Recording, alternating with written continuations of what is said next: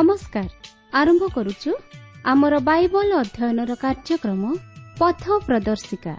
ପବିତ୍ର ବାଇବଲ କହେ ତୁମ୍ଭେ ସର୍ବାନ୍ତକରଣ ସହିତ ସଦାପ୍ରଭୁଙ୍କଠାରେ ବିଶ୍ୱାସ କର ଓ ନିଜ ସୁବିବେଚନାରେ ଆଉଜି ପଡ଼ ନାହିଁ। ଆପଣାର ସବୁ ଗତିରେ ତାହାଙ୍କୁ ସ୍ୱୀକାର କର। ତହିଁରେ ସେ ତୁମ୍ଭର ପଥ ସବୁ ସରଳ କରିବେ। ଆସନ୍ତୁ ସେହି ପଥ ପ୍ରଦର୍ଶକଙ୍କର ସନ୍ଧାନ ପାଇବା ନିମନ୍ତେ ଶୁଣିବା ବେତାର କାର୍ଯ୍ୟକ୍ରମ ପଥ ପ୍ରଦର୍ଶିକା।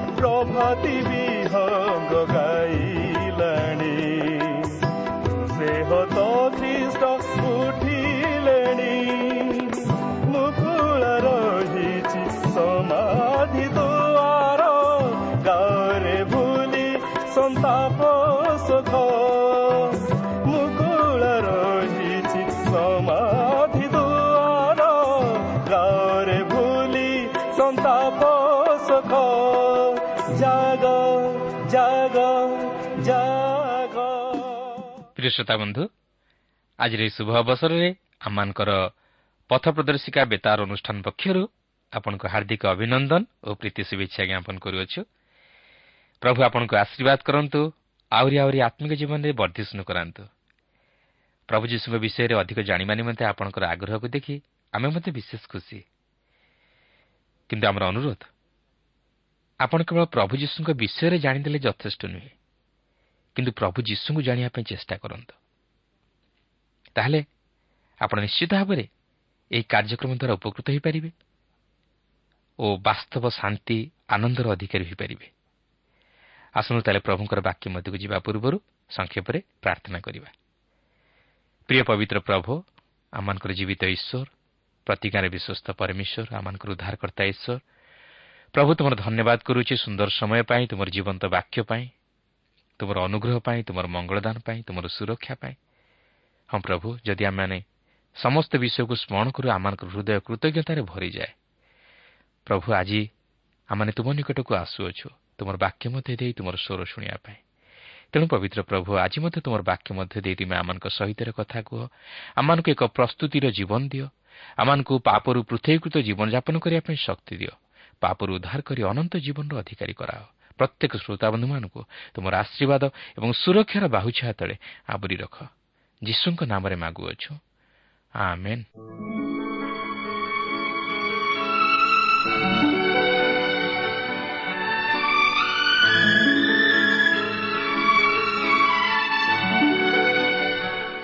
ଆସନ୍ତୁ ବର୍ତ୍ତମାନ ଆମେ ପ୍ରଭୁଙ୍କର ବାକ୍ୟ ମଧ୍ୟକୁ ଯିବା।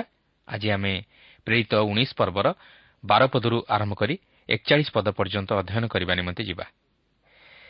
ଏଠାରେ ମୁଁ ଆପଣଙ୍କୁ କହି ରଖେ ଯେ ପାଉଲ ବର୍ତ୍ତମାନ ତାଙ୍କର ତୃତୀୟ ପ୍ରଚାର ଯାତ୍ରାରେ ଅଗ୍ରସର ହେଉଅଛନ୍ତି ଆଉ ସେ ଏଫିସ ନଗରରେ ଅଛନ୍ତି। ଆଉ ଏହି ଏଫିସ ଏକ ମହାନ ଧର୍ମପୀଠ ଥିଲା। ସମ୍ଭବତଃ ଆଥିନି କିମ୍ବା ଅନ୍ୟ କୌଣସି ସ୍ଥାନ ଅପେକ୍ଷା ଏହା ଅଧିକ ଥିଲା। ଦିଆନାର ମନ୍ଦିର ମଧ୍ୟ ସ୍ଥାନରେ ଥିଲା। ଓ ଏଥିସଙ୍ଗେ ସଙ୍ଗେ ଏହାର ପୂଜା ଆରାଧନା ମଧ୍ୟ ଶୈତାନିକ ଥିଲା। ତେଣୁ ଏହିପରି ଏକ ସ୍ଥାନରେ ପ୍ରେରିତ ପାଉଲ ଖ୍ରୀଷ୍ଟ ଯୀଶୁଙ୍କର ସୁଷମାଚାର ପ୍ରଚାର କରିବା ନିମନ୍ତେ ଆଗେଇ ଯାଉଛନ୍ତି। ଆଉ ଏହି ସ୍ଥାନରେ ଈଶ୍ୱର ପାଉଲଙ୍କୁ ଏକ ବିଶେଷ ଶକ୍ତିର କାର୍ଯ୍ୟ ସାଧନ କରିବା ପାଇଁ ଶକ୍ତି ପ୍ରଦାନ କରୁଅଛନ୍ତି। ତେବେ ଦେଖନ୍ତୁ ଉଣେଇଶ ପର୍ବର ବାର ପଦରେ ଏହିପରି ଲେଖା ଅଛି। ଏପରିକି ତାଙ୍କ ଦେହରୁ ରୁମାଲ କିମ୍ବା ଗାମୁଛା ରୋଗୀମାନଙ୍କ ନିକଟକୁ ଅଣାଯାଆନ୍ତେ ସେମାନଙ୍କଠାରୁ ରୋଗ ଛାଡ଼ି ଯାଉଥିଲା ଓ ଦୁଷ୍ଟ ଆତ୍ମାଗୁଡ଼ାକ ବାହାରି ଯାଉଥିଲେ। ଏଠାରେ ଯେଉଁ ଗାମୁଛା ଓ ରୁମାଲ ବିଷୟରେ ଲେଖାଯାଇଅଛି ସେହିସବୁ କ'ଣ? ଏଗୁଡ଼ିକ ଆମେ ଝାଳ ପୋଛିବାରେ ବ୍ୟବହାର କରୁ ନୁହେଁ କି? ଏହା ମଧ୍ୟ ସେତେ ବ୍ୟୟବହୁଳ ନୁହେଁ। ମାତ୍ର ଏହାକୁ ଆମେ ସଦାସର୍ବଦା ବ୍ୟବହାର କରିଥାଉ। ଏହାକୁ ଝାଳୁଆ ଲୁଗା କହିଲେ ମଧ୍ୟ ଅତ୍ୟୁକ୍ତି ହେବ ନାହିଁ। ଆଉ ପାଉଲ ଏହି ରୁମାଲ ଓ ଗାମୁଛା ନିଜର ଦୈନନ୍ଦିନ କାର୍ଯ୍ୟରେ ବ୍ୟବହାର କରୁଥିଲେ। ଆପଣ ଜାଣିଥିବେ ଯେ ସେ ଜଣେ ତମ୍ବୁ ନିର୍ମାଣକାରୀ ଥିଲେ। ଓ ଏହାକୁ କେବଳ ଗ୍ରୀଷ୍ମ ଋତୁରେ ହିଁ ତିଆରି କରାଯାଏ। ତେଣୁ ଯେତେବେଳେ ସେ କାମ କରୁଥିବେ ତାହାଙ୍କ ଦେହରୁ ଝାଳ ଗମ୍ ଗମ୍ ହୋଇ ବାହାରି ଯାଉଥିବ। ଓ ସେ ସେହି ରୁମାଲ ଓ ଗାମୁଛା ନେଇ ନିଜର ଶରୀରରୁ ବହୁଥିବା ଝାଳକୁ ପୋଛି ପକାଉଥିବେ। ସେଗୁଡ଼ିକ ଝାଳ ଦ୍ୱାରା ମଇଳା ହୋଇଯାଉଥିବ କିନ୍ତୁ ଆପଣ ଦେଖନ୍ତୁ ଲୋକେ ସେହି ଝାଳୁଆ ରୁମାଲ ଓ ଗାମୁଛାକୁ ଛୁଇଁ ସୁସ୍ଥ ହେଉଥିଲେ। କିନ୍ତୁ ସେହି ସମୟରେ ସେହି ଅଞ୍ଚଳରେ କେତେକ ଧର୍ମାବଲମ୍ବୀ ଥିଲେ ଯେଉଁମାନେ କି ଶ୍ୱେତ ବସ୍ତ୍ର ବା ଧଳା ରଙ୍ଗର ପୋଷାକ ପତ୍ର ବ୍ୟବହାର କରୁଥିଲେ ଓ ପ୍ରତ୍ୟେକ ବିଷୟ ଯେପରି ପରିଷ୍କାର ଓ ଧଳା ରଙ୍ଗର ହେବାକୁ ପାରେ ତହିଁ ଉପରେ ବିଶେଷ ଗୁରୁତ୍ୱ ଦେଉଥିଲେ। ଓ ପ୍ରତ୍ୟେକ ବିଷୟ ସେହି ପ୍ରକାର ହେବାକୁ ଥିଲା।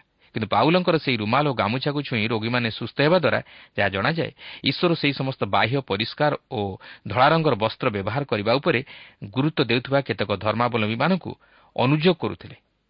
ତେଣୁକରି ସେ ଲୋକମାନଙ୍କୁ ସୁସ୍ଥ କରିବା ପାଇଁ ସେହି ସମସ୍ତ ଝାଳୁଆ ରୁମାଲ ଓ ଗାମୁଛାକୁ ବ୍ୟବହାର କରୁଥିଲେ। ଯେପରିକି ଲୋକେ ସୁଷମାଚାରର ସତ୍ୟତାକୁ ଜାଣନ୍ତି ଓ ତହିଁରେ ବିଶ୍ୱାସ କରି ପାପରୁ ଉଦ୍ଧାର ପ୍ରାପ୍ତ ହୁଅନ୍ତି। ଏଥିରୁ ଆମେ ଜାଣିବାକୁ ପାରୁଛୁ ଯେ ପ୍ରେରିତ ପାଉଲଙ୍କୁ ଏକ ବିଶେଷ ଐଶ୍ୱରିକ ଶକ୍ତି ପ୍ରଦତ୍ତ ହୋଇଥିଲା। ଆପଣଙ୍କର ମନେ ଥିବ ପ୍ରଭୁ ଯୀଶୁ ତାହାଙ୍କର ଶିଷ୍ୟମାନଙ୍କୁ କହିଥିଲେ ତୁମ୍ଭେମାନେ ମୋଠାରୁ ଆହୁରି ଅଧିକ ଶକ୍ତିର କାର୍ଯ୍ୟମାନ ସାଧନ କରିବ। ଆଉ ତାହା ହିଁ ଏଇଥିରୁ ପ୍ରମାଣିତ ହୁଏ। ପାଉଲଙ୍କର ଗାମୁଛା ଆଉ ରୁମାଲ ଛୁଇଁ ରୋଗୀମାନେ ସୁସ୍ଥ ହେଉଥିଲେ ଓ ପିତରଙ୍କର ଛାଇ ପଡ଼ିବା ଦ୍ୱାରା ରୋଗୀମାନେ ସୁସ୍ଥ ହେଉଥିଲେ। ଏହା ହିଁ ଥିଲା ଏକ ଚମତ୍କାର ଶକ୍ତିର ପରିଚୟ।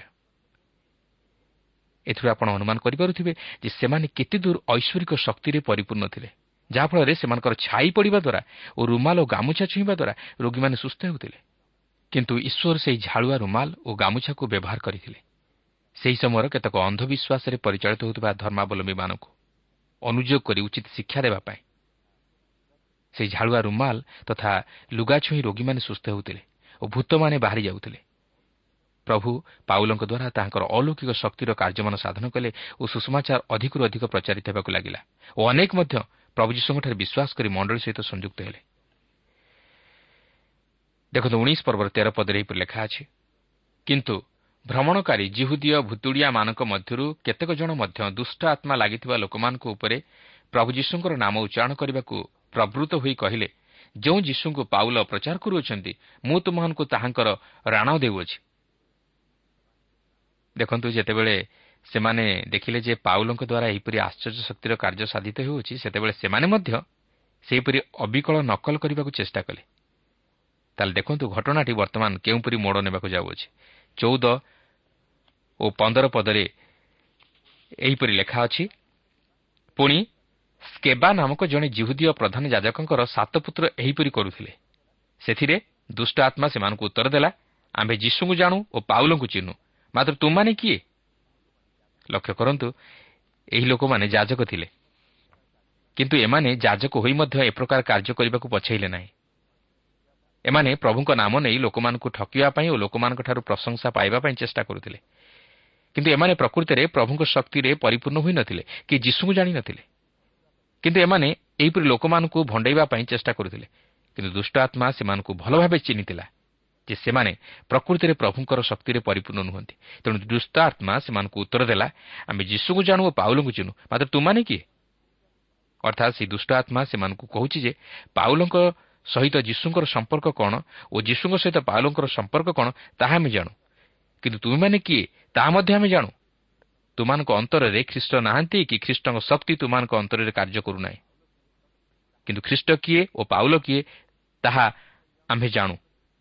ଆମେ ଖ୍ରୀଷ୍ଟଙ୍କୁ ଜାଣୁ ଯେହେତୁ ସେ ହେଉଛନ୍ତି ଈଶ୍ୱରଙ୍କ ପୁତ୍ର ଓ ଆମେ ପାଉଲଙ୍କୁ ଚିହ୍ନୁ ଯେହେତୁ ସେ ହେଉଛନ୍ତି ଖ୍ରୀଷ୍ଟଙ୍କ ଶକ୍ତିରେ ପ୍ରେରିତ ଓ ଖ୍ରୀଷ୍ଟଙ୍କ ଦ୍ୱାରା ମନୋନୀତ ବ୍ୟକ୍ତି। କିନ୍ତୁ ଏଠାରେ ଯେଉଁ ଜାଣୁ ଶବ୍ଦଟି ବ୍ୟବହାର କରାଯାଇଅଛି ଏହା ବିଶ୍ୱାସ ଦ୍ୱାରା ଖ୍ରୀଷ୍ଟଙ୍କୁ ଜାଣିବାର ଜ୍ଞାନକୁ ବୁଝାଏ ନାହିଁ। ଯେହେତୁ ଏଠାରେ ଯେଉଁ ଗ୍ରୀକ୍ ଶବ୍ଦଟି ବ୍ୟବହାର କରାଯାଇଅଛି ତାହା ହେଉଛି ଗିନସ୍କୋ।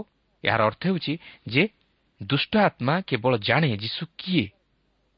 ଏହା କେବଳ ଜାଣିବାର ବିଷୟକୁ ପ୍ରକାଶ କରେ। କାରଣ ଦୁଷ୍ଟ ଆତ୍ମା ପ୍ରଭୁ ଯୀଶୁଙ୍କଠାରେ ବିଶ୍ୱାସ କରେ ନାହିଁ କିନ୍ତୁ ସେ ଜାଣେ ଯୀଶୁ କିଏ ପାଉଲ କିଏ ଓ ଆମମାନେ କିଏ ଏଠାରେ ଆଉ ଏକ ବିଷୟ ଲକ୍ଷ୍ୟ କରିବେ ସେ ଦୁଷ୍ଟ ଆତ୍ମା ଉତ୍ତର ଦେଉଛି ଆମ୍ଭେ ଯୀଶୁଙ୍କୁ ଜାଣୁ ଅର୍ଥାତ୍ ସେ ଜଣେ ନୁହେଁ ତାହା ସହିତ ଆଉ କେତେକ ଦୁଷ୍ଟ ଆତ୍ମା ମଧ୍ୟ ମିଶିକରି ଅଛନ୍ତି କାରଣ ଦୁଷ୍ଟ ଆତ୍ମା କଦାପି ଏକାକୀ ନଥାଏ ସେ ଅନେକଙ୍କୁ ସାଥୀ କରିଥାଏ ଏହା ହେଉଛି ଶୈତାନର କାର୍ଯ୍ୟ ଷୋଳ ପଦରେ ଲେଖା ଅଛି ସେତେବେଳେ ଦୁଷ୍ଟ ଆତ୍ମା ଲାଗିଥିବା ଲୋକଟା ସେମାନଙ୍କ ଉପରକୁ ଡେଇଁ ପଡ଼ି ସେ ଦୁଇ ଜଣଙ୍କୁ ପରାସ୍ତ କରି ସେମାନଙ୍କୁ ଏପରି ଆଘାତ କଲା ଯେ ସେମାନେ ଉଲ୍ଲଙ୍ଗ ଓ କ୍ଷତବିକ୍ଷତ ହୋଇ ସେହି ଘରୁ ବାହାରି ପଳାଇଗଲେ। ଦେଖନ୍ତୁ ସେହି ସ୍କେବା ନାମକ ଜିହୁଦୀୟ ପ୍ରଧାନ ଯାଜକଙ୍କର ପୁତ୍ରମାନେ ପାଉଲଙ୍କ ଶକ୍ତିର କାର୍ଯ୍ୟକୁ ନକଲ କରିବାକୁ ଚେଷ୍ଟା କରୁଥିଲେ। ମାତ୍ର ସେମାନେ ସେହି ଦୁଷ୍ଟ ଆତ୍ମା ଦ୍ୱାରା ପରାସ୍ତ ହେଲେ।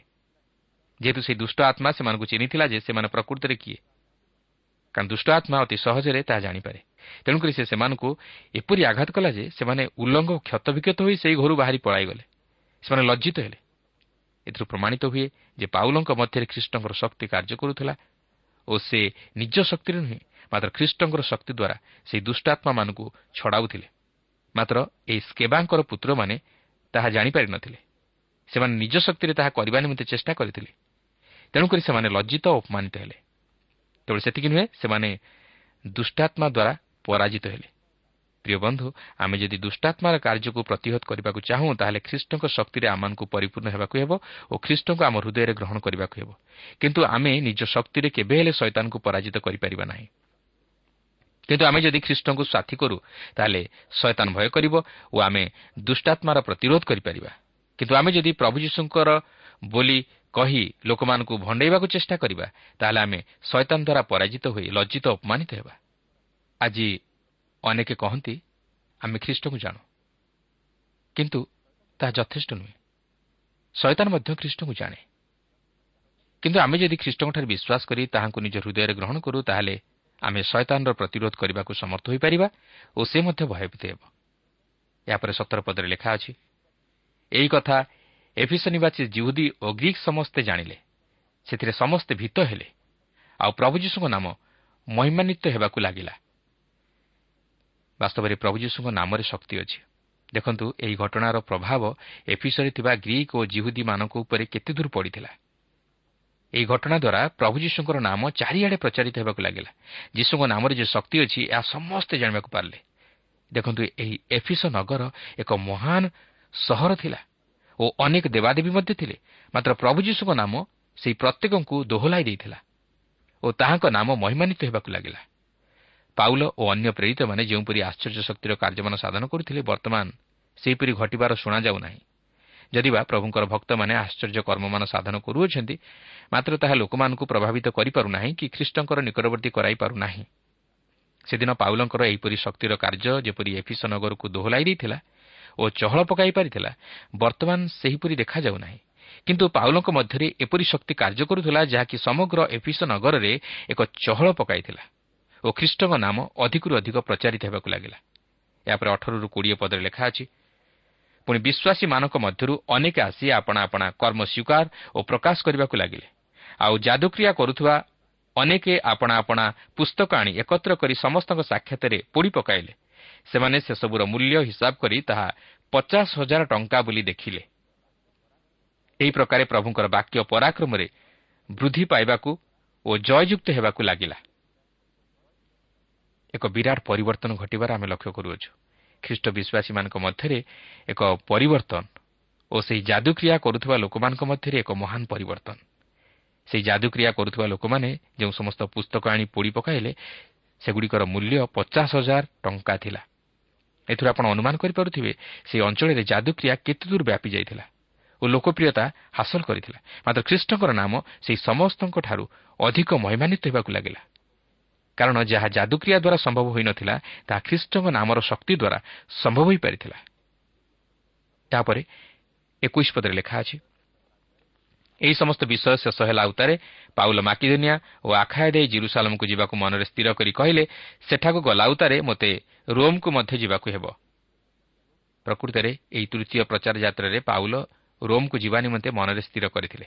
କିନ୍ତୁ ଏକ କୌତୁହଳର ବିଷୟ ଆପଣ ଲକ୍ଷ୍ୟ କରିବେ ଯେ ସେ ରୋମ୍କୁ ଗଲେ ସତ କିନ୍ତୁ ସେ ଯେଉଁପରି ଭାବେ ରୋମ୍କୁ ଯିବା ନିମନ୍ତେ ଯୋଜନା କରିଥିଲେ ସେହି ପ୍ରକାର ଯାଇପାରିଲେ ନାହିଁ। ବାଇଶ ପଦରେ ଲେଖା ଅଛି ପୁଣି ଯେଉଁମାନେ ତାଙ୍କର ସେବା କରୁଥିଲେ ସେମାନଙ୍କ ମଧ୍ୟରୁ ତିମଥି ଓ ଏରାଷ୍ଟ ଏହି ଦୁଇ ଜଣଙ୍କୁ ମାକିଦୋନିଆକୁ ପ୍ରେରଣ କରି ସେ ଆପେ କିଛି କାଳ ପର୍ଯ୍ୟନ୍ତ ଆସିଆରେ ରହିଲେ। ଏହି ସମୟରେ ପାଉଲ କରିନ୍ଥିୟମାନଙ୍କ ନିକଟକୁ ପତ୍ର ଲେଖିଥିଲେ। ବିଶେଷ କରି ତିମଥି ଓ ଏରାଷ୍ଟ ଏହି ଦୁଇ ଜଣ ସେହି ପତ୍ର ବହନ କରି ନେଇଥିଲେ। ଯଦିଓ ଏହା କରିନ୍ଥିୟମାନଙ୍କ ନିମନ୍ତେ ଲେଖାଯାଇଥିଲା ମାତ୍ର ପତ୍ରଟି ପ୍ରଥମେ ମାକିଦୋନିଆର ଲୋକମାନଙ୍କ ନିକଟରେ ଯାଇ ପହଞ୍ଚିଥିଲା ଯାହାକି ଫିଲିପି ଓ ଥେସରନିକି ମଧ୍ୟ ତହିଁ ସଙ୍ଗେ ସଂଯୁକ୍ତ ଥିଲା ଏବଂ ଆଖାୟର ମଣ୍ଡଳୀମାନଙ୍କ ନିକଟରେ ଯାଇ ପହଞ୍ଚିଥିଲା ଯାହା ସଙ୍ଗେ ଆଥିନି ଓ କରିନ୍ଥ ମଧ୍ୟ ସଂଯୁକ୍ତ ଥିଲା। ଏହି ଚିଠିରେ ପାଉଲ ଲେଖି ଜଣାଇଥିଲେ ଯେ ସୁଷମାଚାର ପ୍ରଚାର ନିମନ୍ତେ ଏଫିସରେ ତାହାଙ୍କ ନିମନ୍ତେ ଏକ ମହାନ ତଥା ଫଳପ୍ରଦ ଜନକ ଦ୍ୱାର ଉନ୍ମୁକ୍ତ ରହିଅଛି ମାତ୍ର ଏଥିସହିତ ଅନେକ ବାଧାବିଘ୍ନ ଓ ପ୍ରତିବନ୍ଧକ ମଧ୍ୟ ରହିଅଛି। ବର୍ତ୍ତମାନ ଆମେ ଦେଖିପାରିବା ଯେ ସେହି ସମସ୍ତ ବାଧାବିଘ୍ନ ଶୈତାନିକ ଥିଲା ଯେହେତୁ ଏହି ସ୍ଥାନ ଦେବପୂଜା ଓ ଶୈତାନ ଉପାସନାର ଏକ କେନ୍ଦ୍ରସ୍ଥଳ ଥିଲା ଯାହାକି ଆଜି ମଧ୍ୟ ଏହା ନୂଆ ନୁହେଁ। ତେଇଶ ଓ ଚବିଶ ପଦରେ ଲେଖା ଅଛି ପ୍ରାୟ ସେହି ସମୟରେ ଏହି ମାର୍ଗ ବିଷୟରେ ମହା ଗଣ୍ଡଗୋଳ ଉଠିଲା କାରଣ ଦିମିତ୍ରିୟ ନାମକ ଜଣେ ସ୍ୱର୍ଣ୍ଣକାର ଆର୍ତେମିର ରୌପ୍ୟ ମନ୍ଦିର ନିର୍ମାଣ କରୁଥିଲା। ପୁଣି ଶିଳ୍ପକରମାନଙ୍କର ଯଥେଷ୍ଟ ଲାଭ କରାଉଥିଲା। ଏଠି ଆପଣ ଦେଖନ୍ତୁ ପାଉଲ ଯେଉଁ ଖ୍ରୀଷ୍ଟଙ୍କର ସୁଷମାଚାର ପ୍ରଚାର କରୁଥିଲେ ସେହି ସୁଷମାଚାର ପ୍ରଚାର ନେଇ ଅନେକ ଗଣ୍ଡଗୋଳ ଉପୁଜିଲା। ଯେହେତୁ ଖ୍ରୀଷ୍ଟଙ୍କ ନାମ ସେହି ଏଫିସରେ ଅଧିକରୁ ଅଧିକ ପ୍ରଚାରିତ ହେବାକୁ ଲାଗିଲା। କିନ୍ତୁ ଏହାଦ୍ୱାରା ସେମାନଙ୍କର ବ୍ୟବସାୟ ମଧ୍ୟ କ୍ଷତିଗ୍ରସ୍ତ ହେଲା। କାରଣ ଏହି ଏଫିସ ନଗରୀ ପ୍ରତିମା ପୂଜାରେ ପରିପୂର୍ଣ୍ଣ ଥିଲା। ଏହି ସ୍ଥାନରେ ଦିଆନାଙ୍କର ମନ୍ଦିର ଏକ ମହାନ ଦେବ ମନ୍ଦିର ରୂପେ ବିଖ୍ୟାତ ହୋଇଥିଲା ଓ ଏହି ନଗରୀ ବାଣିଜ୍ୟ ବ୍ୟବସାୟର ଏକ କେନ୍ଦ୍ରସ୍ଥଳ ଥିଲା। ଏହା ପାପର ମଧ୍ୟ କେନ୍ଦ୍ରସ୍ଥଳ ଥିଲା। ସମସ୍ତ ପ୍ରକାର ଅନୈତିକତା ମଧ୍ୟ ଏହି ସ୍ଥାନରେ ଦେଖାଯାଉଥିଲା। ଏହି ଦିଆନାଙ୍କର ମନ୍ଦିର ସପ୍ତାଶ୍ଚର୍ଯ୍ୟ ମଧ୍ୟରୁ ଅନ୍ୟତମ। କାରଣ ଏହା ଏକ ବୃହତ୍ ଗ୍ରୀକ୍ ମନ୍ଦିର ଥିଲା ଓ ଅନେକ କାରୁକାର୍ଯ୍ୟରେ ବିଭୂଷିତ ହୋଇଥିଲା। ଏହି ମନ୍ଦିର ମଧ୍ୟରେ ଦିଆନା କିମ୍ବା ଆର୍ତେମିର ପ୍ରତିମୂର୍ତ୍ତି ରଖାଯାଇଥିଲା। ସେମାନେ ଦିଆନା କିମ୍ବା ଆର୍ତେମିଙ୍କର ପ୍ରତିମୂର୍ତ୍ତିଗୁଡ଼ିକୁ ରୂପାରେ ତିଆରି କରି ବିକ୍ରୟ କରୁଥିଲେ ଓ ଏହାଦ୍ୱାରା ସେମାନେ ଅତି ଲାଭବାନ ହେଉଥିଲେ। କିନ୍ତୁ ପାଉଲଙ୍କର ପ୍ରଚାର କାର୍ଯ୍ୟ ଦ୍ୱାରା ସେମାନଙ୍କର ଏହି ବ୍ୟବସାୟ ବାଧାପ୍ରାପ୍ତ ହେଲା ଓ ତହିଁରେ କ୍ଷତି ଘଟିଲା। ହୋଇପାରେ ଲୋକମାନେ ପ୍ରଭୁ ଯୀଶୁଙ୍କର ପରିଚୟ ପାଇବାରୁ ସେହି ସମସ୍ତ ମୂର୍ତ୍ତିଗୁଡ଼ିକୁ ଆଉ କିଣିଲେ ନାହିଁ। ଅର୍ଥାତ୍ ସେମାନେ ମୂର୍ତ୍ତି ପୂଜା ପରିତ୍ୟାଗ କରି ସତ୍ୟ ଈଶ୍ୱରଙ୍କ ନିକଟକୁ ଫେରିଆସିଲେ। ଫଳତଃ ସେମାନଙ୍କର ବ୍ୟବସାୟ ଆଉ ଚାଲିଲା ନାହିଁ। ଯାହାଫଳରେ ସେମାନେ ବିରକ୍ତ ହୋଇ ପାଉଲଙ୍କ ପ୍ରଚାର କାର୍ଯ୍ୟରେ ବାଧା ଜନ୍ମାଇଲେ।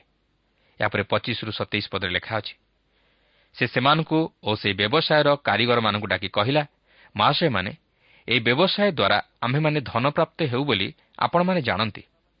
ଆଉ ହସ୍ତନିର୍ମିତ ଦେବତାମାନେ ଈଶ୍ୱର ନୁହନ୍ତି ବୋଲି କହି ଏହି ପାଉଲ କେବଳ ଏଫିସର ନୁହେଁ ମାତ୍ର ପ୍ରାୟ ସମସ୍ତ ଆସିଆରେ ବହୁତ ଲୋକଙ୍କୁ ମତାଇ ଭୁଲାଇଅଛି ଏହା ଆପଣମାନେ ଦେଖୁଅଛନ୍ତି ଓ ଶୁଣୁଅଛନ୍ତି। ଏଥିରେ ଯେ କେବଳ ଆମମାନଙ୍କ ଏହି ବ୍ୟବସାୟର ଦୁର୍ନାମ ହେବାର ଆଶଙ୍କା ଅଛି ତାହା ନୁହେଁ କିନ୍ତୁ ଯେଉଁ ମହାଦେବୀ ଆର୍ତେମୀକୁ ସମସ୍ତ ଆସିଆ ଓ ଜଗତ ଯାକ ପୂଜା କରନ୍ତି ତାଙ୍କ ମନ୍ଦିର ମଧ୍ୟ ନଗଣ୍ୟ ହୋଇପଡ଼ିବାର ଓ ତାଙ୍କ ମହିମାର ଗ୍ଲାନି ସୁଦ୍ଧା ଘଟିବାର ଆଶଙ୍କା ଅଛି। ଆପଣ ଦେଖନ୍ତୁ ତିମିତ୍ରିୟ ଓ ତାହାର ସଙ୍ଗୀ ଶିଳ୍ପକରମାନେ ଯେଉଁ ଗଣ୍ଡଗୋଳ ଉପୁଜାଇଥିଲେ ଏହା କେବଳ ସେମାନଙ୍କର ବ୍ୟବସାୟର କ୍ଷତି ଘଟିବା ହେତୁ ସେମାନେ ସେପରି କରିଥିଲେ। କାରଣ ସେମାନେ ସେହି ବ୍ୟବସାୟ କରି ନିଜର ଜୀବିକା ନିର୍ବାହ କରୁଥିଲେ। ସେମାନେ ସେହି ପ୍ରତିମାଗୁଡ଼ିକୁ ନିର୍ମାଣ କରି ବିକ୍ରୟ କରୁଥିଲେ। ଆପଣ ଜାଣିପାରୁଥିବେ ଯେ ସେହି ଦିଆନାଙ୍କର ମନ୍ଦିର ପୃଥିବୀର ସପ୍ତାଶ୍ଚର୍ଯ୍ୟ ମଧ୍ୟରୁ ଗୋଟିଏ ହୋଇଥିବାରୁ ସେଠାକୁ ଅନେକ ଲୋକ ଆସୁଥିବେ ଓ ସେମାନେ ସେହି ସମସ୍ତ ମୂର୍ତ୍ତିଗୁଡ଼ିକ ଅଧିକ ମୂଲ୍ୟ ଦେଇ କିଣିବା ଦ୍ୱାରା ଏହି ଶିଳ୍ପକରମାନେ ମଧ୍ୟ ଯଥେଷ୍ଟ ଲାଭବାନ ହେଉଥିବେ। କିନ୍ତୁ ପାଉଲ ଖ୍ରୀଷ୍ଟଙ୍କୁ ପ୍ରଚାର କରିବା ଦ୍ୱାରା ସେମାନଙ୍କର ବ୍ୟବସାୟ ମାନ୍ଦା ପଡ଼ିଗଲା। କେବଳ ଯେ ସେମାନଙ୍କର ବ୍ୟବସାୟର କ୍ଷତି ଘଟିବାର ଆଶଙ୍କା କରି ସେମାନେ ଗଣ୍ଡଗୋଳ କଲେ ତାହା ନୁହେଁ। ମାତ୍ର ଯେଉଁ ମହାଦେବୀ ଆର୍ତେମୀଙ୍କୁ ଜଗତଟା ଯାକ ପୂଜା କରନ୍ତି ତାହାଙ୍କର ପତନ ଘଟିବାର ଆଶଙ୍କା କରି ସେମାନେ ପାଉଲଙ୍କ ବିରୁଦ୍ଧରେ ସ୍ୱର ଉତ୍ତୋଳନ କରିବା ନିମନ୍ତେ ଲୋକମାନଙ୍କୁ ମଧ୍ୟ ମତାଇଲେ। ଏହାପରେ ଅଠେଇଶରୁ ବତିଶ ପଦରେ ଲେଖା ଅଛି ଏହି କଥା ଶୁଣି ସେମାନେ କ୍ରୋଧରେ ପରିପୂର୍ଣ୍ଣ ହୋଇ ଚିତ୍କାର କରି କହିବାକୁ ଲାଗିଲେ ଏଫିସିଓମାନଙ୍କର ଆର୍ତେମୀ ମହାଦେବୀ ଅଟନ୍ତି। ଏଥିରେ ନଗରଟି ଗଣ୍ଡଗୋଳରେ ପରିପୂର୍ଣ୍ଣ ହେଲା ଆଉ ସେମାନେ ଏକଯୋଗରେ ପାଉଲଙ୍କ ସହଯାତ୍ରୀ ମାକିଦୋନିଆର ଗାୟ ଓ ଆରିସ୍ତାର୍କଙ୍କୁ ଧରି ବଡ଼ ବେଗରେ ରଙ୍ଗଭୂମିକୁ ଦୌଡ଼ିଗଲେ। ଏଥିରେ ପାଉଲ ଲୋକମାନଙ୍କ ଭିତରକୁ ଯିବାକୁ ଇଚ୍ଛା କଲେ କିନ୍ତୁ ଶିଷ୍ୟମାନେ ତାଙ୍କୁ ଯିବାକୁ ଦେଲେ ନାହିଁ। ଆଉ ଆସିଆର ପ୍ରଧାନ କର୍ମଚାରୀମାନଙ୍କ ମଧ୍ୟରୁ ସୁଦ୍ଧା କେତେକ ଜଣ ତାଙ୍କ ବନ୍ଧୁ ଥିବାରୁ ଲୋକ ପଠାଇ ରଙ୍ଗଭୂମି ମଧ୍ୟକୁ ଦୁଃସାହସ କରି ନ ଯିବାକୁ ତାଙ୍କୁ ଅନୁରୋଧ କଲେ। ସେତେବେଳେ କେହି କେହି ଏକଥା କେହି କେହି ବା ସେ କଥା କହି ଚିତ୍କାର କରୁଥିଲେ କାରଣ ସଭା ଗଣ୍ଡଗୋଳରେ ପରିପୂର୍ଣ୍ଣ ହୋଇଥିଲା। ଆଉ ସେମାନେ ଯେ କାହିଁକି ଏକତ୍ର ହୋଇଅଛନ୍ତି ତାହା ଅଧିକାଂଶ ଜାଣିନଥିଲେ। ପ୍ରକୃତିରେ ପାଉଲ ଦିଆନା ବା ଆର୍ତେମି ବିରୁଦ୍ଧରେ ପ୍ରଚାର କରୁନଥିଲେ ମାତ୍ର ଖ୍ରୀଷ୍ଟଙ୍କୁ ପ୍ରଚାର କରୁଥିଲେ। କିନ୍ତୁ ସେମାନେ ସେମାନଙ୍କର ବ୍ୟବସାୟ କ୍ଷତିଗ୍ରସ୍ତ ହେବାର ଆଶଙ୍କା କରି ପାଉଲଙ୍କ ପ୍ରଚାରର ବିରୋଧ କଲେ କିନ୍ତୁ ସେମାନେ ଯୁକ୍ତିଯୁକ୍ତ କାରଣ ଦର୍ଶାଇ ପାରିନଥିଲେ। ସେମାନେ ଯେଉଁପରି ଭାବେ ଗଣ୍ଡଗୋଳ କରି ଲୋକମାନଙ୍କୁ ମତାଇଲେ ବୋଧହୁଏ ପାଉଲଙ୍କୁ ସେମାନେ ପାଇଥିଲେ ବଧ କରିଥାନ୍ତେ। ତାଛଡ଼ା ପାଉଲ ଯେତେବେଳେ ସେମାନଙ୍କ ମଧ୍ୟକୁ ଯିବାକୁ ଇଚ୍ଛା କଲେ ସେତେବେଳେ ଶିଷ୍ୟମାନେ ଓ ସେହି ଆସିଆର ପ୍ରଧାନ କର୍ମଚାରୀମାନଙ୍କ ମଧ୍ୟରୁ କେତେକ ତାହାଙ୍କ ବନ୍ଧୁ ଥିବାରୁ ତାହାଙ୍କୁ ରକ୍ଷା କରିବାକୁ ଯାଇ ସେହି ଲୋକମାନଙ୍କ ମଧ୍ୟକୁ ତାହାଙ୍କୁ ଛାଡ଼ିଦେଲେ ନାହିଁ କିନ୍ତୁ ସେମାନେ ଯେ କାହିଁକି ଏପରି ଏକାଠି ହୋଇ ଗଣ୍ଡଗୋଳ କରୁଛନ୍ତି ତାହା ଅଧିକାଂଶ ଲୋକ ଜାଣିନଥିଲେ ଏହାପରେ ତେତିଶ ଓ ଚଉତିରିଶ ପଦରେ ଲେଖା ଅଛି ଆଉ ଜିହୁଦୀମାନେ ଆଲେକ୍ଜାଣ୍ଡରକୁ ଆଗକୁ ବାହାର କରି ଆଣିବାରୁ ଲୋକସମୂହ ମଧ୍ୟରୁ କେହି କେହି ତାକୁ ମତାଇଲେ। ସେଥିରେ ଆଲେକ୍ଜାଣ୍ଡର ହସ୍ତରେ ସଂକେତ କରି ଲୋକମାନଙ୍କ ନିକଟରେ ସେମାନଙ୍କର ପକ୍ଷ ସମର୍ଥନ କରିବାକୁ ଇଚ୍ଛା କଲା। କିନ୍ତୁ ସେ ଜଣେ ଜିହୁଦୀ ବୋଲି ଯେତେବେଳେ ସେମାନେ ଜାଣିଲେ ସେତେବେଳେ ସମସ୍ତେ ଏକସ୍ୱରରେ ପ୍ରାୟ ଦୁଇ ଘଣ୍ଟା ପର୍ଯ୍ୟନ୍ତ ଚିତ୍କାର କରି କହିବାକୁ ଲାଗିଲେ ଏଫିସିଓମାନଙ୍କର ଆର୍ତେମୀ ମହାଦେବୀ ଅଟନ୍ତି। ଏହି ଆଲେକ୍ଜାଣ୍ଡର ସମ୍ଭବତଃ ଧର୍ମଗ୍ରହଣ କରିଥିଲେ ଯେ କି ପାଉଲଙ୍କ ସହିତ ଥିଲେ। କିନ୍ତୁ ସେମାନେ ଆଲେକ୍ଜାଣ୍ଡରଙ୍କୁ ମଧ୍ୟ କିଛି କହିବାକୁ ସୁଯୋଗ ଦେଲେ ନାହିଁ। ମାତ୍ର ଏଫିସିଓମାନଙ୍କର ଆର୍ତେମୀ ମହାଦେବୀ ଅଟନ୍ତି ବୋଲି ଚିତ୍କାର କରିବାକୁ ଲାଗିଲେ। ଏହାପରେ ପଞ୍ଚତିରିଶରୁ ଏକଚାଳିଶ ପଦରେ ଲେଖା ଅଛି ପରେ ନଗର ବ୍ୟବର୍ତ୍ତା ଲୋକସମୂହକୁ ଶାନ୍ତ କରାଇ କହିଲେ ହେ ଏଫିସିଓ ଲୋକମାନେ ଏଫିସ ନଗରୀ ଯେ ମହାଦେବୀ ଆର୍ତେମୀ ଓ ଆକାଶରୁ ପତିତ ପ୍ରତିମାର ମନ୍ଦିର ପରିଚାରିକା ଏହା କିଏ ନ ଜାଣେ? ଅତଏବ ଏହିସବୁ କଥା ଅଖଣ୍ଡନୀୟ ହେବାରୁ ତୁମମାନଙ୍କର ଶାନ୍ତ ହେବା ଓ ଅବିବେଚନାରେ କୌଣସି କର୍ମ ନ କରିବା ଉଚିତ। କାରଣ ଏହି ଯେଉଁ ଲୋକମାନଙ୍କୁ ତୁମମାନେ ଘେନି ଆସିଅଛ ଏମାନେ ତ ମନ୍ଦିର ଲୁଣ୍ଠନକାରୀ ନୁହନ୍ତି କିମ୍ବା ଆମମାନଙ୍କ ଦେବୀଙ୍କ ନିନ୍ଦକ ନୁହନ୍ତି। ଏଣୁ ଯଦି କାହାରି ବିରୁଦ୍ଧରେ ଦିମିତ୍ରିୟର ଓ ତା'ର ସଙ୍ଗୀ ଶିଳ୍ପକରମାନଙ୍କର କୌଣସି କଥା ଥାଏ ତାହେଲେ ବିଚାରାଳୟ ଉନ୍ମୁକ୍ତ ଅଛି ଓ ଶାସନକର୍ତ୍ତାମାନେ ଅଛନ୍ତି। ସେମାନେ ପରସ୍ପର ବିରୁଦ୍ଧରେ ଅଭିଯୋଗ କରନ୍ତୁ। କିନ୍ତୁ ଯଦି ତୁମମାନଙ୍କର ଅନ୍ୟ କୌଣସି ଦାବି ଥାଏ ତେବେ ନିୟମିତ ସାଧାରଣ ସଭାରେ ତାହାର ମୀମାଂସା ହେବ। କାରଣ ପ୍ରକୃତିରେ ଆଜିର ଗଣ୍ଡଗୋଳ ଘେନି ଆମମାନଙ୍କ ବିରୁଦ୍ଧରେ ଅଭିଯୋଗ ହେବାର ଆଶଙ୍କା ଅଛି। ଆମମାନେ ଏହି ଗଣ୍ଡଗୋଳର କୌଣସି କାରଣ ଦେଖାଇ ପାରିବୁ ନାହିଁ। ଏହା କହି ସେ ସଭାସ୍ଥ ସମସ୍ତଙ୍କୁ ବିଦାୟ ଦେଲେ। ଦେଖନ୍ତୁ ସେହି ନଗରବର୍ତ୍ତା ଯିଏକି ସେହି ଅଞ୍ଚଳର ଜଣେ ମୁଖ୍ୟ ବ୍ୟକ୍ତି ଥିଲେ ସେ ସେମାନଙ୍କୁ ଶାନ୍ତ ରହିବାକୁ କହିଲେ। କାରଣ ସେମାନଙ୍କର ଅଭିଯୋଗ ଯୁକ୍ତିଯୁକ୍ତ ନଥିଲା। ସେ ଯଦିଓ ଦିଆନା ଓ ଆର୍ତେମିର ସପକ୍ଷ ନେଇ ସେମାନଙ୍କୁ ଶାନ୍ତ କରାଇଥିଲେ ମାତ୍ର ପରେ ସେମାନେ ବିଫଳତାର ସମ୍ମୁଖୀନ ହେଲେ। କିନ୍ତୁ ସେହି ନଗର ବ୍ୟବର୍ତ୍ତା ଯେତେବେଳେ ସେମାନଙ୍କର ଗଣ୍ଡଗୋଳର ପ୍ରକୃତ କାରଣ ଜାଣିବାକୁ ଚାହିଁଲେ ସେତେବେଳେ ସେମାନେ ତାହାର ଯଥାର୍ଥ କାରଣ ଦର୍ଶାଇ ପାରିଲେ ନାହିଁ। ଫଳରେ ସେମାନେ ପାଉଲଙ୍କ ବିରୁଦ୍ଧରେ କୌଣସି ବିଚାର ଆଣିପାରିଲେ ନାହିଁ। ମାତ୍ର ଏହା ଥିଲା ପାଉଲଙ୍କ ନିମନ୍ତେ ଏଫିସରେ ପ୍ରଚାର କରିବାର ଅନ୍ତିମ ସମୟ। ସେ ଏଫିସ ପରିତ୍ୟାଗ କରି ମାକି ଦୁନିଆକୁ ଚାଲିଗଲେ। ପ୍ରିୟ ବନ୍ଧୁ ଆଜି ଆମେ ନିଜର ସ୍ୱାର୍ଥକୁ ଦୃଷ୍ଟି ଆଗରେ ରଖି ପ୍ରଭୁ ଯୀଶୁଖ୍ରୀଷ୍ଟଙ୍କୁ ଅଗ୍ରାହ୍ୟ କରୁଅଛୁ। ନିଜର ପରିବାର ବ୍ୟବସାୟ ଓ ସମାଜକୁ ଦୃଷ୍ଟି ଆଗରେ ରଖି ଆମେ ଖ୍ରୀଷ୍ଟଙ୍କ ବିରୁଦ୍ଧରେ ସ୍ୱର ଉତ୍ତୋଳନ କରୁ। କିନ୍ତୁ ଆମେ କେବେ ଚିନ୍ତା କରିଛୁ କି ଆମର ପାପ ନିମନ୍ତେ କିଏ ମୃତ୍ୟୁଭୋଗ କଲେ? ଆମକୁ ପାପରୁ ଉଦ୍ଧାର କରିବା ନିମନ୍ତେ କିଏ ପବିତ୍ର ରକ୍ତ ଦେଲେ? ଓ ଆମମାନଙ୍କୁ ଧାର୍ମିକ କରି ଗଣନା କରିବା ନିମନ୍ତେ କିଏ ମୃତ୍ୟୁକୁ ଜୟ କରି ଉଠିଲେ? କେହି ନୁହନ୍ତି କେବଳ ସେହି ପ୍ରଭୁ ଯୀଶୁ ଖ୍ରୀଷ୍ଟ ସେ ଆଜି ମଧ୍ୟ ଆମକୁ ପ୍ରେମ କରନ୍ତି ଓ ଆମକୁ ପାପରୁ ଉଦ୍ଧାର କରିବା ପାଇଁ ଚାହାନ୍ତି। ସେ ଆଜି ମଧ୍ୟ ଆମକୁ ଉଦ୍ଧାର କରିବା ପାଇଁ ପ୍ରସ୍ତୁତ। କିନ୍ତୁ ଆମେ କ'ଣ ତାହାଙ୍କୁ ପ୍ରେମ କରି ତାହାଙ୍କୁ ନିଜର କରିବାକୁ ଚାହୁଁ କି? ପ୍ରିୟ ବନ୍ଧୁ ସୁଯୋଗ ସବୁବେଳେ ଆସେ ନାହିଁ। ପ୍ରଭୁ ଆଜି ତାହାଙ୍କର ବାକ୍ୟ ମଧ୍ୟ ଦେଇ ଆମମାନଙ୍କୁ ଏହି ଶିକ୍ଷା ଦେବା ପାଇଁ ଚାହାନ୍ତି ଯେପରି ଆମମାନେ ପ୍ରତିମା ପୂଜାରୁ ଫେରି ସତ୍ୟ ତଥା ଜୀବନ୍ତ ଈଶ୍ୱରଙ୍କର ଉପାସନା କରୁ ତାହାଙ୍କର ଗୌରବ କରୁ। କିନ୍ତୁ ଯେତେବେଳେ ଆମମାନେ ସେହି ଜୀବନ୍ତ ଈଶ୍ୱରଙ୍କ ନିକଟକୁ ଫେରିଆସିବା ସେତେବେଳେ ଆମେ ଜାଣିପାରିବା ଯେ ଆମମାନେ ପ୍ରକୃତିରେ ଅପବିତ୍ର ମନୁଷ୍ୟ। ତାଙ୍କର ବାକ୍ୟ ଦ୍ୱାରା ହିଁ ସେ ଆମମାନଙ୍କ ସହିତ କଥା କହିବେ। ଆଉ ସେତେବେଳେ ଆମମାନେ ଜଣେ ଉଦ୍ଧାରକର୍ତ୍ତାଙ୍କର ଆବଶ୍ୟକତାକୁ ଉପଲବ୍ଧି କରିବା। ଆଉ ସେ ହେଉଛନ୍ତି ସେହି ପ୍ରଭୁ ଯୀଶୁଖ୍ରୀଷ୍ଟ। ଯିଏକି ଆମମାନଙ୍କ ନିମନ୍ତେ ନିଜର ପ୍ରାଣ ଦେଲେ। କାରଣ ସେ ଚାହାନ୍ତିନି ଆମମାନଙ୍କର ବିନାଶ। ସେ ଚାହାନ୍ତି ଆମମାନଙ୍କୁ ସୁରକ୍ଷା ଦେଇ ଅନନ୍ତ ଜୀବନର ଅଧିକାରୀ କରାଇବା ପାଇଁ।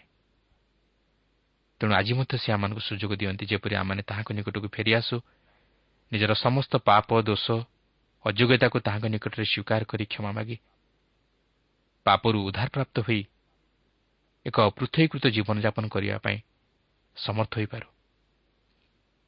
ପ୍ରିୟ ବନ୍ଧୁ ପ୍ରଭୁ ଚାହାନ୍ତି ଯେପରି ଆମମାନେ ସୁରକ୍ଷିତ ହେଉ ଆମମାନେ ପାପରେ ବିନଷ୍ଟ ନ ହେଉ। ତେଣୁ ଆସୁ ନିଜର ପାପମୟ ଜୀବନ ନିମନ୍ତେ ଅନୁତପ୍ତ ହୋଇ ଅନୁତପ୍ତ ଅନ୍ତକୋଣ ସହିତ ପ୍ରଭୁ ଯୀଶୁଙ୍କର ନିକଟବର୍ତ୍ତୀ ହୋଇ ସ୍ୱୀକାର କରି ସେହି ପାପରୁ ଉଦ୍ଧାର ପାଇବା ପାଇଁ ଚେଷ୍ଟା କରୁ ତାହେଲେ ପ୍ରଭୁ ଆମମାନଙ୍କୁ ସୁରକ୍ଷା କରି ତାହାଙ୍କର ସେହି ଅନନ୍ତ ଜୀବନର ଅଧିକାରୀ କରାଇବେ। ପ୍ରଭୁ ପ୍ରତ୍ୟେକଙ୍କୁ ଏହି ସଂକ୍ଷିପ୍ତ ଆଲୋଚନା ମଧ୍ୟ ଦେଇ ଆଶୀର୍ବାଦ କରନ୍ତୁ।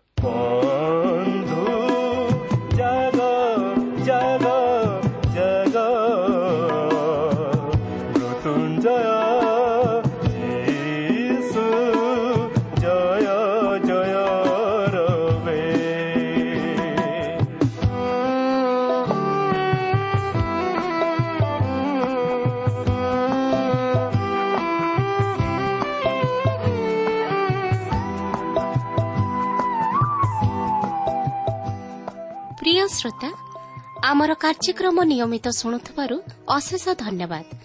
ଆପଣ ଏହି କାର୍ଯ୍ୟକ୍ରମ ଶୁଣିବା ଦ୍ୱାରା ଆତ୍ମିକ ଜୀବନରେ ଉପକୃତ ହୋଇପାରିଥିବେ ବୋଲି ଆମର ବିଶ୍ୱାସ। ପ୍ରଭୁ ଯୀଶୁଙ୍କ ବିଷୟରେ ଅଧିକ ଜାଣିବାର ଆଗ୍ରହ ଥିଲେ ଅଥବା ଉପାଦେୟ ପୁସ୍ତକର ଆବଶ୍ୟକ ଥିଲେ ଆମ ସହ ଯୋଗାଯୋଗ କରନ୍ତୁ। ଆମର ଠିକଣା ପଥ ପ୍ରଦର୍ଶିକା trans world radio India post box number ତିନି ତିନି ଭୁବନେଶ୍ୱର ଏକ nine seven double seven double two one four one five ଠିକଣାଟି ଆଉଥରେ ଶୁଣନ୍ତୁ।